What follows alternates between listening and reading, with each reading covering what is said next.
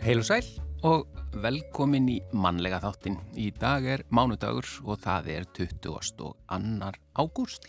Já, og á þessum degi 1809 jörundur hundadagakonungur var handtekinn og þar með var valdasetu hans á Íslandi lokið.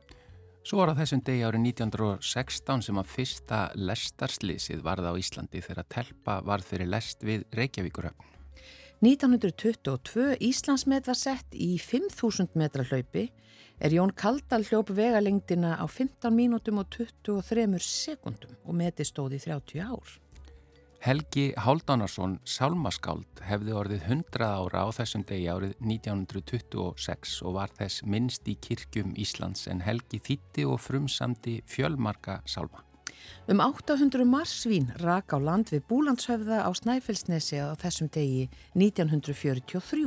Já, ég kannaði, ég googlaði marsvín að ég bara alltaf verði alveg viss og það er sem sagt mjög svipað höfrungum mm. nema til að flækja málinn að á sko Norðurlandatungumólum þá er marsvín sko svona, hvað heitir þetta hérna, nagrís. Nagrís. Já, ég held að það hef ekki verið 800 nagrísar nagrísir.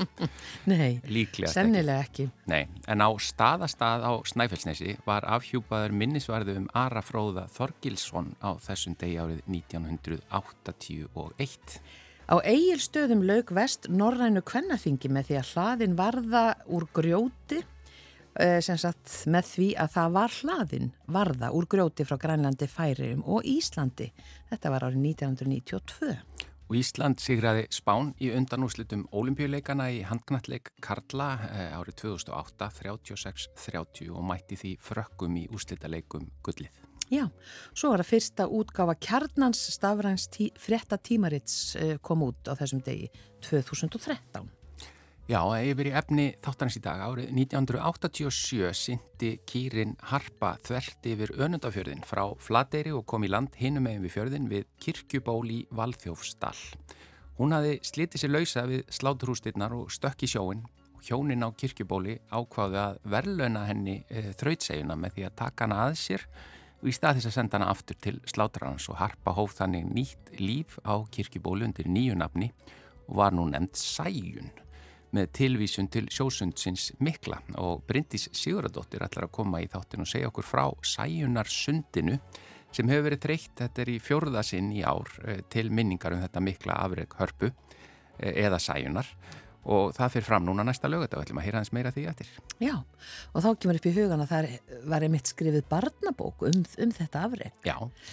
Eh, En mm, við ætlum líka að segja frá lokaverkefni Jóns Arnars Sverrissonar í landslagsarkitektúr.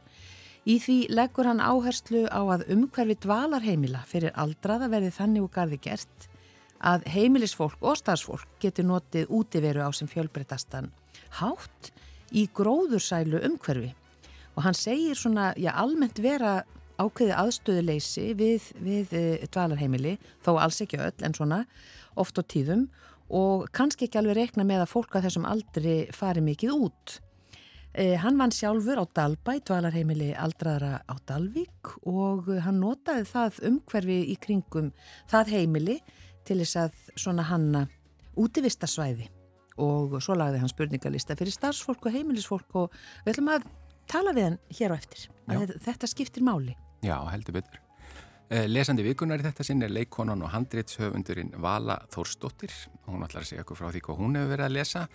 Og svo ætlum við aðeins að við fengum skemmtilega ábendingu. Við fjöldum í síðustu viku um verkefni Elsu Katrínar Ólastóttur afkomendur borgarfjardar sem er svona nokkus konar skrásetning á andlitum borgfyrðinga og við fengum ábendingu um annað álíka verkefni Andlit bæjarins sem er einmitt andlitsmyndir af íbúum Reykjanesbæjar heimamönnum jæmt sem brottfluttum og þetta er mjög hægt að skoða það er að segja andlitbæjarins.com er hægt að skoða, það er komið nú þegar 1075 andlit og það eru 19.000 íbúar í Reykjanesbæ þannig að eftir ég veit að þau ætla að auglýsa nýja myndatöku og annað slíkt það er mjög gaman að rulli í gegnum þetta. Já, virkilega Björgvin, Björgvin Guðmundsson ljósmyndari og félagskapurinn Ljósop í Reykjanesbæ sem standa fyrir þessu.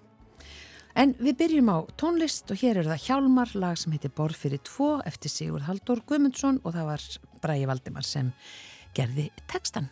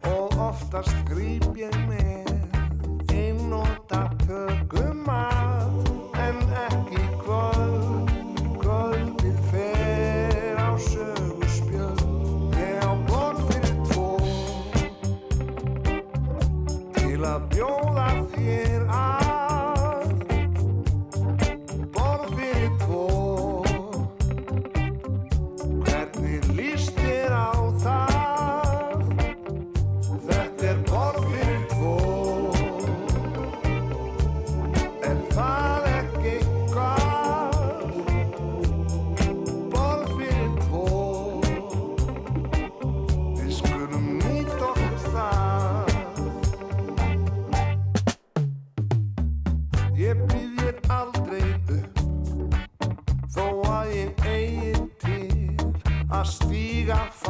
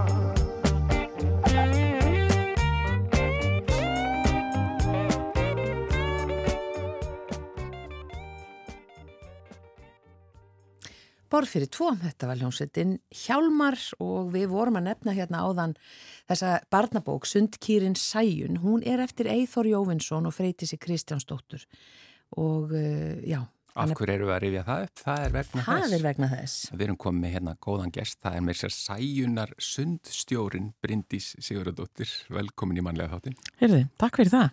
Já, það er þetta sæjunarsund sem að veru þreytt núna í fjórðaskipti á, á lögadaginn en byrjum bara á að því að þekkja nú flestir söguna en ekki kannski alveg öll.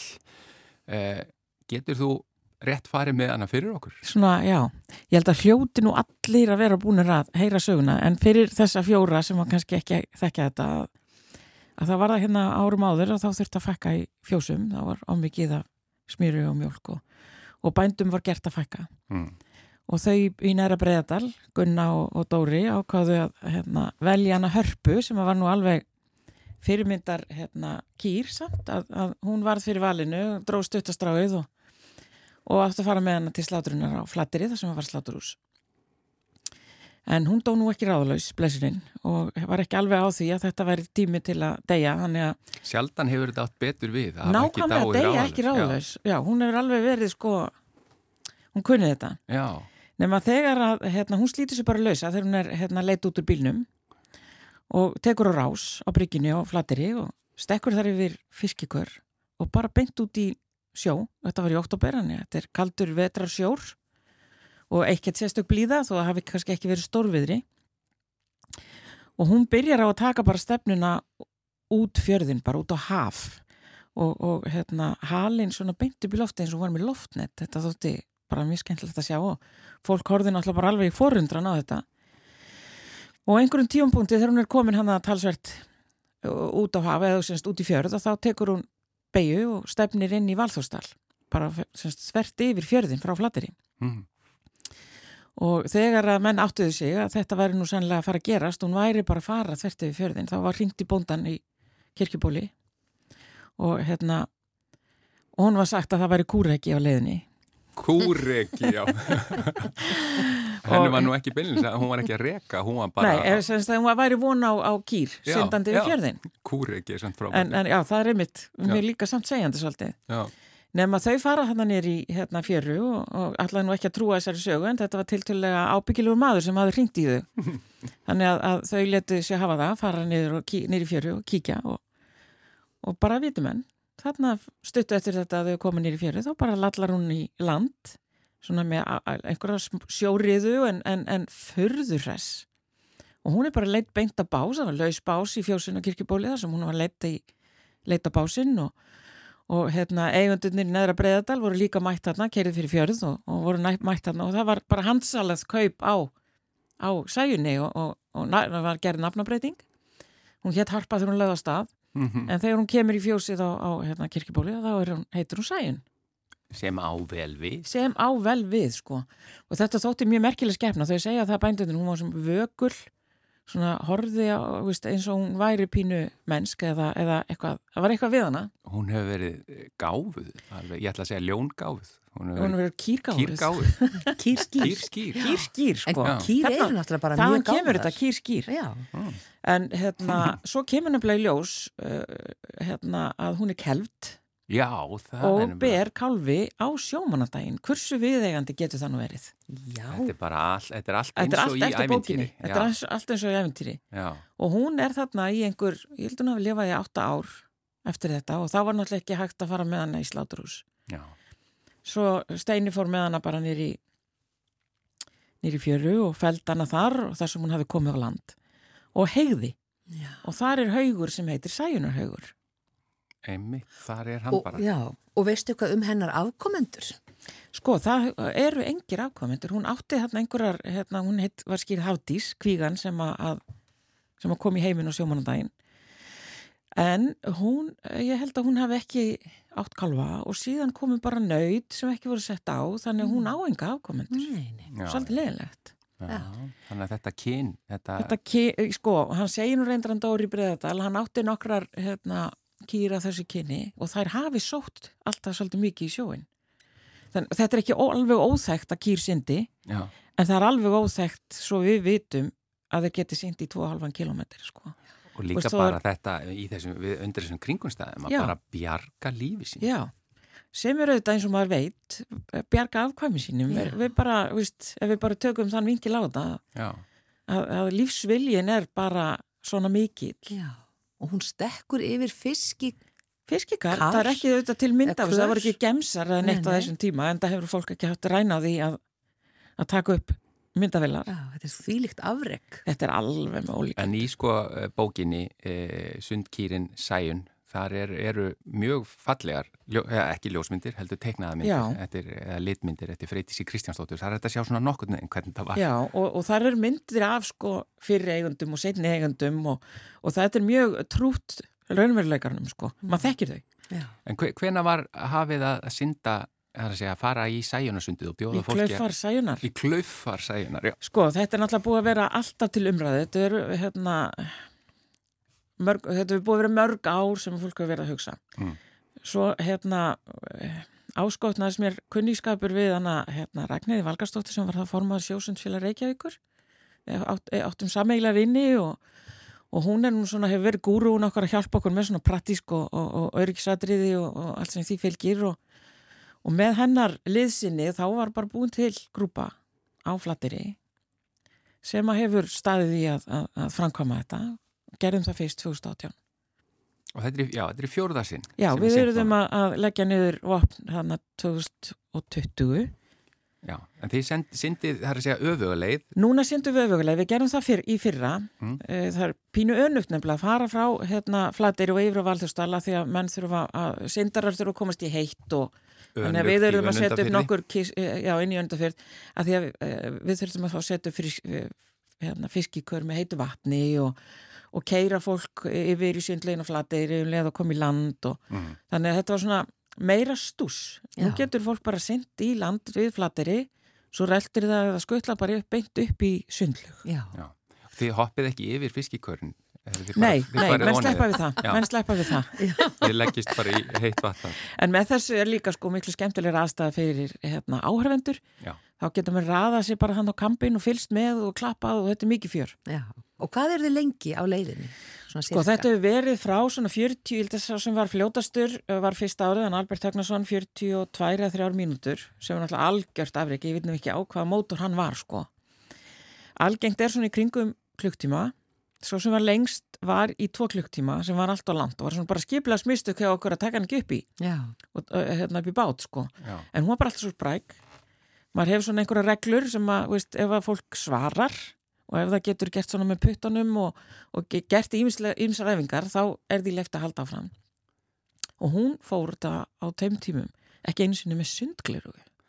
Já, það, er, það eru öryggisbátar það, á leiðinu. Það eru fleiri, það hefur verið fleiri öryggisbátar heldur en fólk sem syndir, því að það er svona nummer 1, 2, 3 öryggið sko. Maður fyrir ekki alveg óundibúin í þetta sund.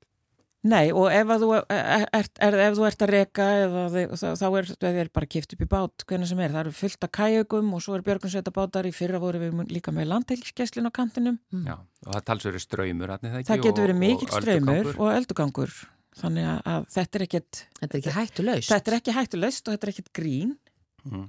reyndar er það nú með 4, 5 og 6 reglan, það er að hafa þetta sem grín sko, já, já. að hafa svolítið gaman og, og við erum með hátíakvöldverð og skemmtum okkur og, og svona. En það er, fólk er ekki að synda þarna yfir með halan upp í loftið eins og hún? Jú, ef fólk hefði hala myndi það örgulega gera það sko. Já. Og hvað er þetta svona, hvað hafði það verið margir? Þetta fer alltaf fjölgandi, ég held að þetta hafi verið 12 sem fóru fyrsta árið og núna er þetta 33 Er, er full bókað? Sko við höfum, og þetta hefur gengið svo vel að við erum orðið svo kokki Já. að við erum ekkert með full bókað. Við bara tökum við skráningum við eittum reyndar hætta að taka við skráningum svona morgun og hinn, bara svona upp á skipulag sko, við þurfum að eiga allar græjur kúta og örgiskúta og svona ymmislegt Það er þetta að finna inn á Facebook uh, Sæjunarsund Sæjunarsund, heimasíðan er búin að vera í hérna in the making. Já. er ekki tilbúin í framkvæmt hún er í framkvæmt, hún verður komið næst. Já. Já. en það er Sæjunarsund og svo er viðburðinni Sæjunarsund 2022 Já. Já þarna heyrist í einhverjum síma bara, já. Sem, e sem engin á, en einhverjum skilja eftir. Þetta var líka verið að gefa okkur skilabóðum að, að þessu séu loki í bíli, en Bryndi Sigurðardóttir, Sæjunarsundstjóri, takk hella fyrir að koma og segja okkur frá þessu. Þeir eru bara kæra þakkir fyrir að lögum mér að koma, það er svo gaman að tala um hann og Sæjunni. Já, takk fyrir þetta og ég held að ég bara svo vel við að heyra hér sundhetjuna sem hún Sigriður Tólasíus flyttur, Bókumil Font og Ljónsveit Tómasar R. Einarsson og lagið er mitt eftir hann.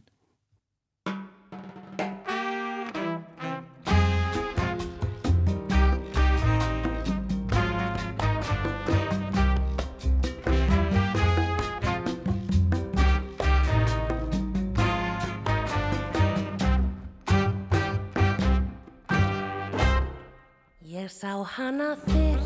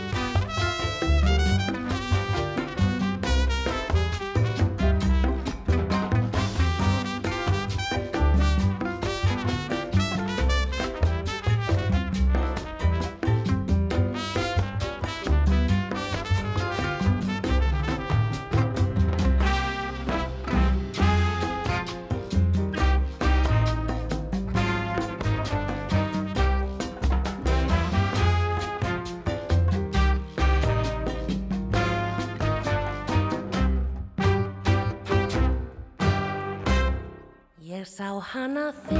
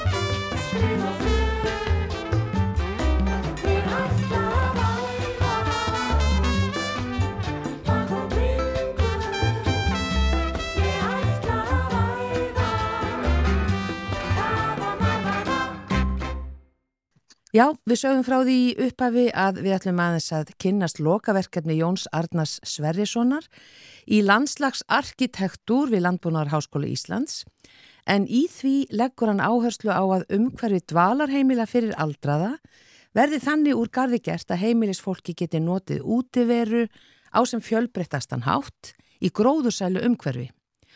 Og eh, hann er á línunni hjá okkur, kontur sæl og blessaður Jón. Jú, konti sæl, Guðrún. Eh, Þú hefur nú reynslu af því sjálfur að vinna á dvalarheimili fyrir aldraða á Dalbæ á Dalvík og svo ertu líka, Já, já, og svo ertu landslagsarkitekt. Eh, já, ég er með BS-próf í landslagsarkitektúr. já, þannig að það svona kannski lá bara beint við að þú notaðir þessa reynslu sem, já, sem þitt lokaverkefni eða í þitt lokaverkefni segi ég. Já, sko það, það reynda kom þannig til að, að hérna ég bjóð Dalvík og, og var þar garðikistöri í tíu ár. Og þegar ég fór að gera þetta lokaverkni þá langaði mig að hann eitthvað að gera eitthvað sem tengdist Dalvík. Og ég var búinn að finna þarna svæði sem að tilheri dvalarheimilinu. Og er svona svolítið miðsvæðis í bænum sem nýtist líka sem útvistasvæði fyrir almenning. Og ég þá, þá í rauninni sko fó- á- á- ákvað ég að fara að vinna á dvalarheimilinu? Þarna sumarið á milli, milli ára í skólanum. Já, til þess að aðeins að kynnast sko kynnast dvalarheimili og, og hvernig hérna íbúra dvalarheimilinu hafa það og svona. Og, og svo, svo rúlaði þetta út í það að ég fór að gera sko verkefni fór meira út í það að, að hérna út í sem sagt útivist aldrara og svo útivist aldrara á dvalarheimilum og hvernig útivistarsvæði við dvalarheimili eru. já, Þannig að hver, það var svona niðurstaðan sem að ég svo vann út frá þegar ég gerði verkefnið. já, Og svo vann ég reyndar á dvalarheimilinu eftir ég útskrifast í, í heilt ár. Þá til ég fór, fór að vinna hér á Akarnesi sem garrikstöri í vor. já. Og svona hver, já, var þín reynsla? Mín reynsla var, já, svolítið svo að, að ég upplifði svolítið að, að hérna, fólk, eða semst íbúar á dvalarheimili, það, það er einhvern veginn ekkert til þess að þau fara mikið út.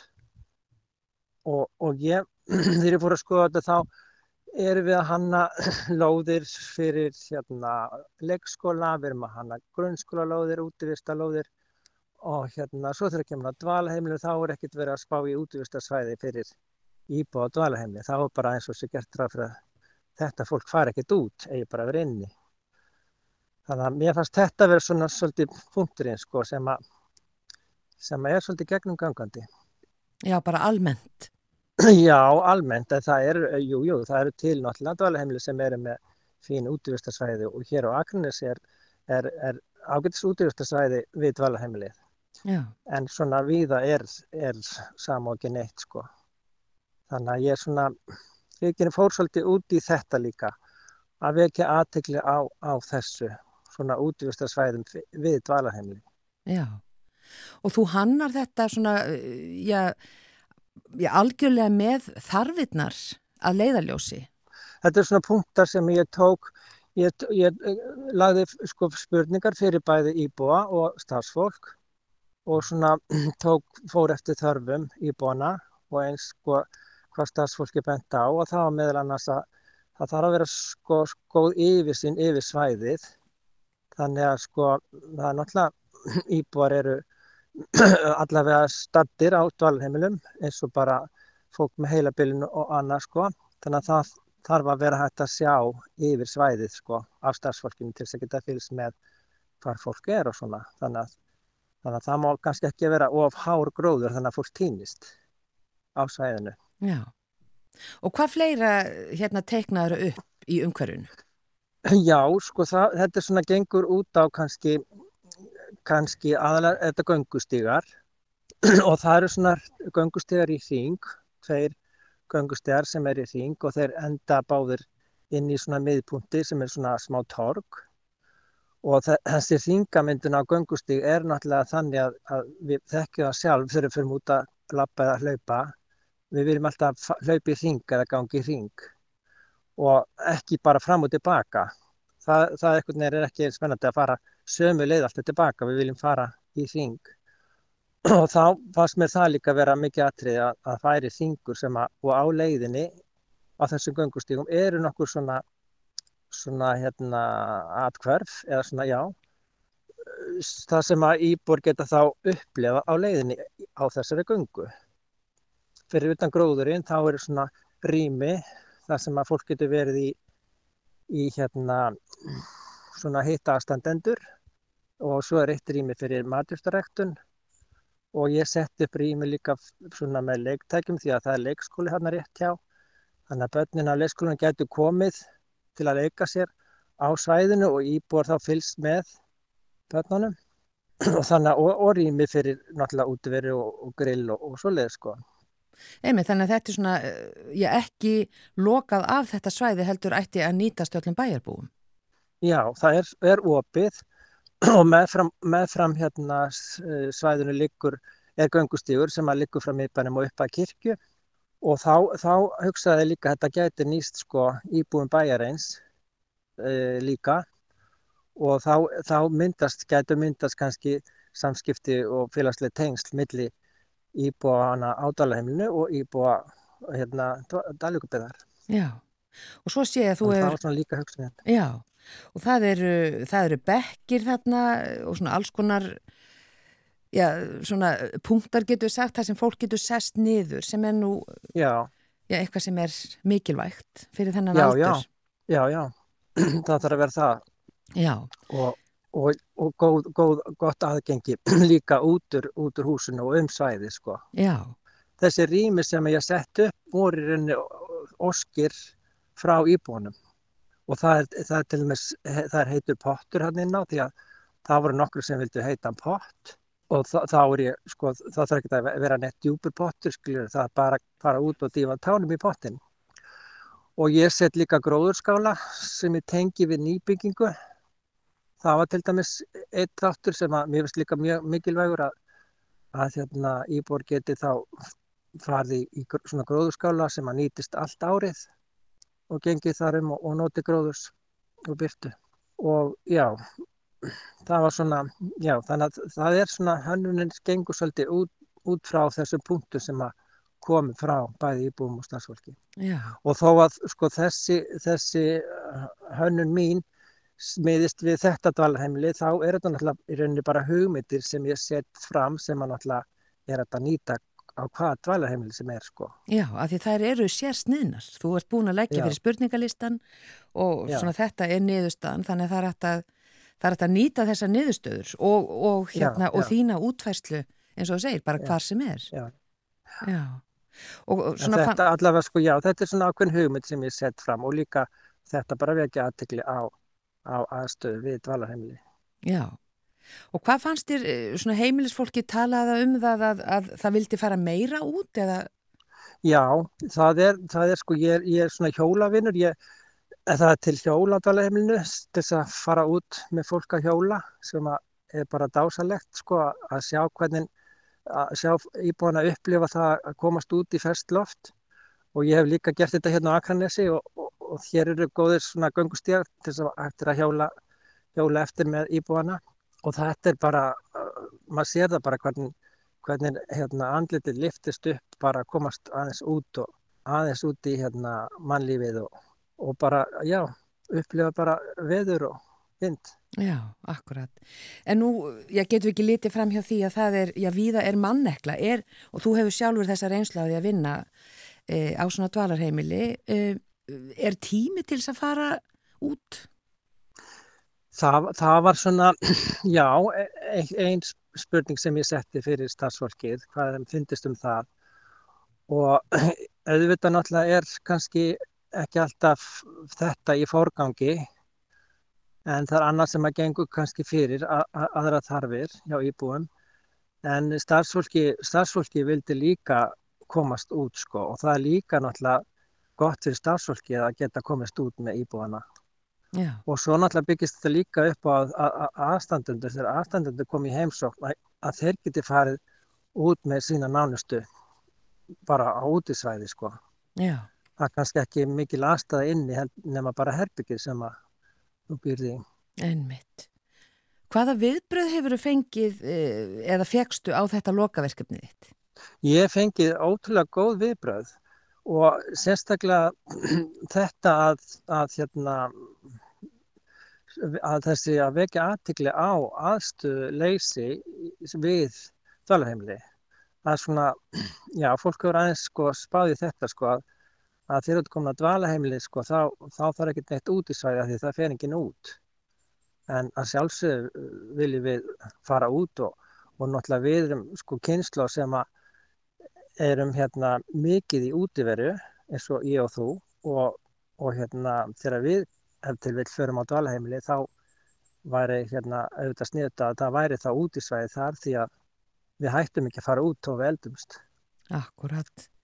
Kæra þakki fyrir spjallið Jón Arnar Sverrisson uh, og þetta var, við vorum að spjalla hér um lokaverkefni þitt til uh, BS Prófs í landslagsarkitektur og uh, það er bara von okkar að, að þetta verði svona kannski tekið til hliðsjónar þegar uh, spáðir í nær umhverfi svona dvalarheimila þar sem aldraðir dvelja og búa. Já, einmitt, einmitt.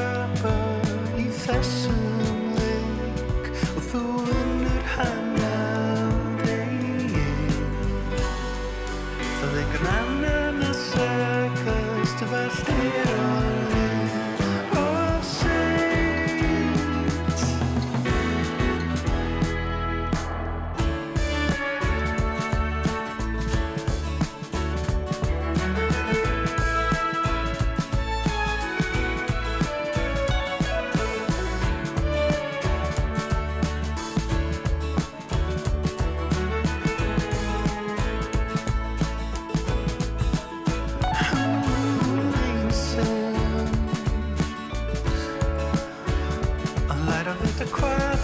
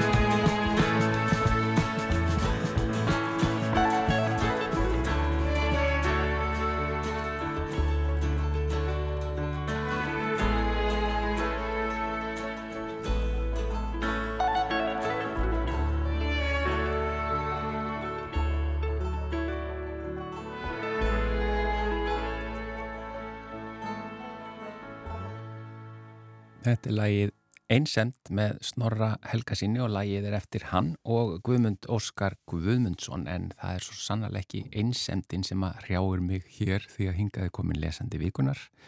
Það er í þetta sinn Vala Þórsdóttir, leikona og handritsöfundur. Takk fyrir að taka þetta að þér þessa vikuna. Já, takk fyrir að bjóða mér.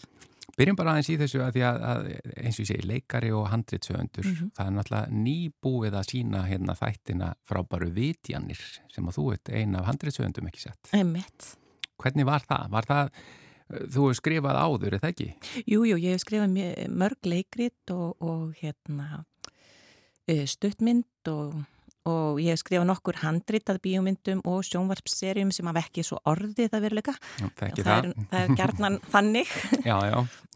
en hérna Hver veit? Það er oft veit maður ekkit hvenar verkefnin fara á flug. algjörlega og maður getur dustað þessu svo, þú veist, og prófað aftur setna stundum er bara ekki rétt í tímin. Já, En, en, en þetta, uh, vitjanir er verkefni sem við byrjuðum, eða sko Kolbrún Anna Björnsdóttir, vinkonu mín og leikona og, og handritsöfundur byrjaði á sem sagt 2012-13 eitthvað að þá byrjaði hún að hugsa um þetta. Og svo fekk hún mig inn í þetta með að ég bjóta möldu og, hérna, og við vorum að skrifast á bara í gegnum Skype. Já, og svo þegar ég flutti hinga heim 2015 og þá gæti ég hent mér í þetta alveg á fullum krafti með henni. Þannig að þetta er búið að vera langur prósess en mjög skemmtilegt svo leggstu líka Jú, jú, það og Kolbrún, Anna líka. algjörlega En hvernig var þetta? Því ég meina að, að, þetta fekk heilmikið áhorf og Mhm. heilmikið viðbröð. Fundu Mhm. þið ekki bara uh, meir og minna góð viðbröð? algjörlega, mjög, mjög góð, góð viðbröð, alveg virkilega Já, og einhvern veginn á mjög svona mm, víðum skala já, og nokkra fjölskyldur hafa haft samband og sett sko þetta er frábært líka fyrir fjölskylduna til þess að ræða alls konar mál. Já, þú veist, unglingarnir tengja við unglingana í seríunni, ömmurnar og af, afarnir við, við, þú veist, alla í seríunni og svo, svo miðju fólki sem við erum í hópnum í okkar kynslu. Sem er, að- er að reyna að halda um tauman á öllu saman, Miðaldra fólki sko. þannig að- já, þannig að það var, það var eitthvað sem ég hafði ekki alveg gert mig grein fyrir að myndi gerast Já, svona breyður hópur Já. sem að, sem að kveikti á þessu. já, Á mismöndi hlutum kannski. já, og svona mismundi sjónarhorn og allt þetta, þannig að mér fannst það alveg rosalega skemmtilegt en verður framhald á vitjunum. við erum að vona okkur takist að, að, að hérna, fá pening í það. Já. Þannig að það er verið að vinna í því að, að skoða möguleika. Við býðum bara spennt Já. eftir að ke- kemur niðurstaða. En uh, hingað þú komið sem lesandi vikunar. Mhm. uh, lestu mikið yfir höfuð? Já, ég les uh, mjög mikið og hef alla tíð gert. Já, Ég byrjaði að lesa þegar ég verið svona fimm ára og lærið að lesa þegar var verið að kenna eldri sýsti minna að lesa eins og gerðnan er. já, Og, og hérna, ég les mjög mikið og já, kindil, þannig ég les mikið á ennsku og líka reyndar á ítölsku eða á skandinavisku tungumólunum. Og þið finnst það, eh, finnst þér alveg liggja jöfnu þar að segja, finnst þér ekkit óþægilega að lesa, sumum finnst óþægilega að lesa af spjaltölum? Mér finnst það alls ekki óþægilega Mm. og það kemur líklega að því að ég veiktist á tímambili Mm. og þá þótti mér svo erfitt að halda á bók. Já, kindilin er léttur. Hann er léttur sko. Já, það getur að vera með heilu doðrandana bara. Algjörlega, en núna þá hef ég ekki lengur þetta vandamál Já. en ég er bara orðin vön því að, að hérna, vera með kindilin. Þannig ég les miklu meira með kindil heldur en bækunar sjálfar. Ert að lesa einhverja sérstaka tegunda bókmentum frekar en aðrar? Uh, já, í rauninni uh, hef ég komist að það, ég fór nefnilega að skoða þetta svolítið eftir að, að þú hringtir í mig. Mm. Ég, ég hef í rauninni aldrei velt þessu mikið fyrir mér. Um, en svona í gegnum æfina, svona fyrri part æfinar, las ég mjög mikið af uh, svona frekar tyrfnum og miklum bókmentaverkum já, og bara þú veist, þegar ég var átjónar þá var ég að lesa Tolstói já, já, já, já. já, já, en núna sérstaklega kannski, þú veist, ég, núna er ég er að vinna í sjálfri mér uh, eins og við gerna gerum um miðan aldur nýjórðin 50 þannig lagað Er það ekki bara eiliða verkefni? Það er eilíða verkefni, alltaf gaman Já, já. Jú, jú, já, vonandi. Já, en ég er svolítið í svona áfallast reytu meðferð og, og það tekur svolítið á. Þannig að ég hef verið að lesa svona meira svona léttarbækur já, eins og núna er ég að lesa, mér finnst mjög gott að lesa svona seriubækur já, uh, eins og hann heitna Alexa, Alexander McCall Smith sem skrifaði bækurnar um, um hérna leini þjónustu konunni í Afríku. já. Uh, þetta lein, uh, Al first, Alexander McCall Smith, býtum Já. hvað heitir það er Þetta er, sagt, ég er ekki að lesa þá seríu, ég er að lesa núna bók, bókaseríu sem er um eitna, hana Isabel Dalhousie Já. og er heimsbyggingur og bækurnar snúast var mikið um hvað hún er að spá í heimsbyggilega úr uh, hennar eigin svona daglegu lífi. Já, Það verður alltaf heimsbyggi í rauninni í hausnum á henni. Það flækist þú alveg margt fyrir henni. já, Þetta eru mjög fyndnar og skemmtilega bækur og, og ég er semst að lesa þessa seríu núna og finnst, finnst ég sko heimin höndum tekið að hafa fundið að hafa hitt á Ísabel sem sagt. já, Af því að þetta er svona bækur sem manni líður vel af að lesa. Þetta er bara svona, mann er svona, ah, þetta er svona eins og að fara í fallega og góða sturtu. já, Því að eins og, þú veist, á tímabili las ég helli- hellinga svona glæpasögum og svo leis en ég kom með svo mikið nóg af glæpum og ofbeldi og það af því líka að þetta snýst yfirleitt um að það fari illa með konur, já, illa með konur í þessum bókum. já, Þannig ég bara get það ekki meir, ég bara get ekki hort á svo leis eða lesið svo leis meira. Já. Þannig að, að hérna, allt sem ég vel mér í dag er svona hjarta hlýjandi og, og mjúkt og notalegt. segðu mér aftur nafnið á þessari bók sem þetta er Isabel, Hún heitir, að þetta er hérna, Isabel Dalhousie Stories, eftir, þessi bók heitir til dæmis Friends, Lovers and Chocolate mhm, og það er alveg bara margar, margar bækur í, í Isabel Dalhousie seríunni. og þær látaði líða vel, Já, já, það er gott, já. Og fá, fá mig til að flissa. Hva, já, það er nú líka mjög mikilvægt. Hva, hvað annað kemur upp í hugan svona undanfari sem þú lesið? Svo ég er að lesa líka og, og er með hérna voða fallega litla bók á nattborðinu sem ég glugga í líka þegar áður ég fyrir að sofa og það er Bænahús Ellustínu, Já, hérna, bænabókin hennar Elisabetar Jökuls. já, Já, ég nefnilega kynntist henni svolítið vel núna í, í vor og mér finnst hún svo stórkostlega skemmtileg og klárkona og hérna bænahús Ellustínu er yndislega falleg lítil bók með mjög litlun letri. já, Svolítið eins og biblían, biblían er með svo smáu letri að því hún er svo stór og þung og Já, mikil, mikil já. orðum. Þannig að það, minnast, það kallast svolítið það á við litlu bænabókin hennar Ellustínu já, og það eru svona þakklætisbænir fyrir hverstægin og, og ægilega skemmtilega litla sögur. já, og hérna, það sem hún sko talar um að, að það að, að, að til dæmis að, að leggja á borð er bæn í sjálfu sér. já, Þú veist, hún tekur þetta allt út frá bænin og það, og, og, og veist, það, það, það er svona bók sem fær mann alveg til þess að lifnað innan og hlínum allan kroppina því hún er að gerða svo mikill ástúð og kærleika já, og húmor. já, það Elisabeth kann það, Já, hún kann það. betur og, og hún hitti manni yfirleitt, já, beint í hjartað. sko. Algjörlega. Og þessi litla bók, hún lætur svo lítið fyrir sér. Ég man því ég keipt hana í e-mailabúðinni Mhm, og Elisabeth áritaði hana, ég hef keipt allar bækurnar af henni þar. Já, og áritaði hana fyrir mig og, og, og hérna, hún á sinn stað heima hjá mér. En núna bráðum fyrir hún í kassa því ég er að flytja. Já, já, en vonandi beint upp úr aftur. algjörlega. Og, og á hérna, náttborðið aftur. Já. Já. Já, uh, eru fleiri bækur sem komið? Já, svo er ég búin að vera að lesa tvær svona sjálfshjálpabækur Já, Mér finnst það alveg óbáslega leiðilegar, þannig að sjálfsjálpabækur. Nú. Já, ég hef aldrei einhvern veginn getað þræla mér gegnum þær uh, og það er kannski líka af því að það, ég hef alltaf sko gert þetta einhvern veginn vittlaust. Ég held að halda ég að ég byrja á uppháfinu og klára þær alveg sko, þú veist, í gegn, Já. lesna bara eins og skáldsögu. já, En það á maður alls ekki að gera. Þetta eru uppflettirinn. já, já, já. Og Sara Dögg, vinkona mín, sem leika mitt aðal hlutverkið í, í, í vitjunum. Hún benti mér á þetta um daginn já, og þá segi, að best ég kíki þá bókina sem hún lánaði mér. Já. út frá þessu að skoða bara þú veist, hvað er verið að fara yfir í þessar bók. Bara bara efnis yfir litið. já, Hvað nýtist mér? já, hvað nýtist mér? Þessi bók er frábær og heitir Boundary Boss og er eftir Terry Cole. Og er um það hvernig maður getur sko lært að setja betri mörg já, þú veist, ef maður er mjög svona hérna, alltaf, vill alltaf vera næs við alla og hjálpa öllum og bjarga öllum og, og gera allt fyrir alla, þá náttúrulega kemur maður engu í verk fyrir sjálfan sig Já. og endar á því að vera bara eins og útspýtt hundskinn Já. og orkulegs og ömulegur og hundleilegur.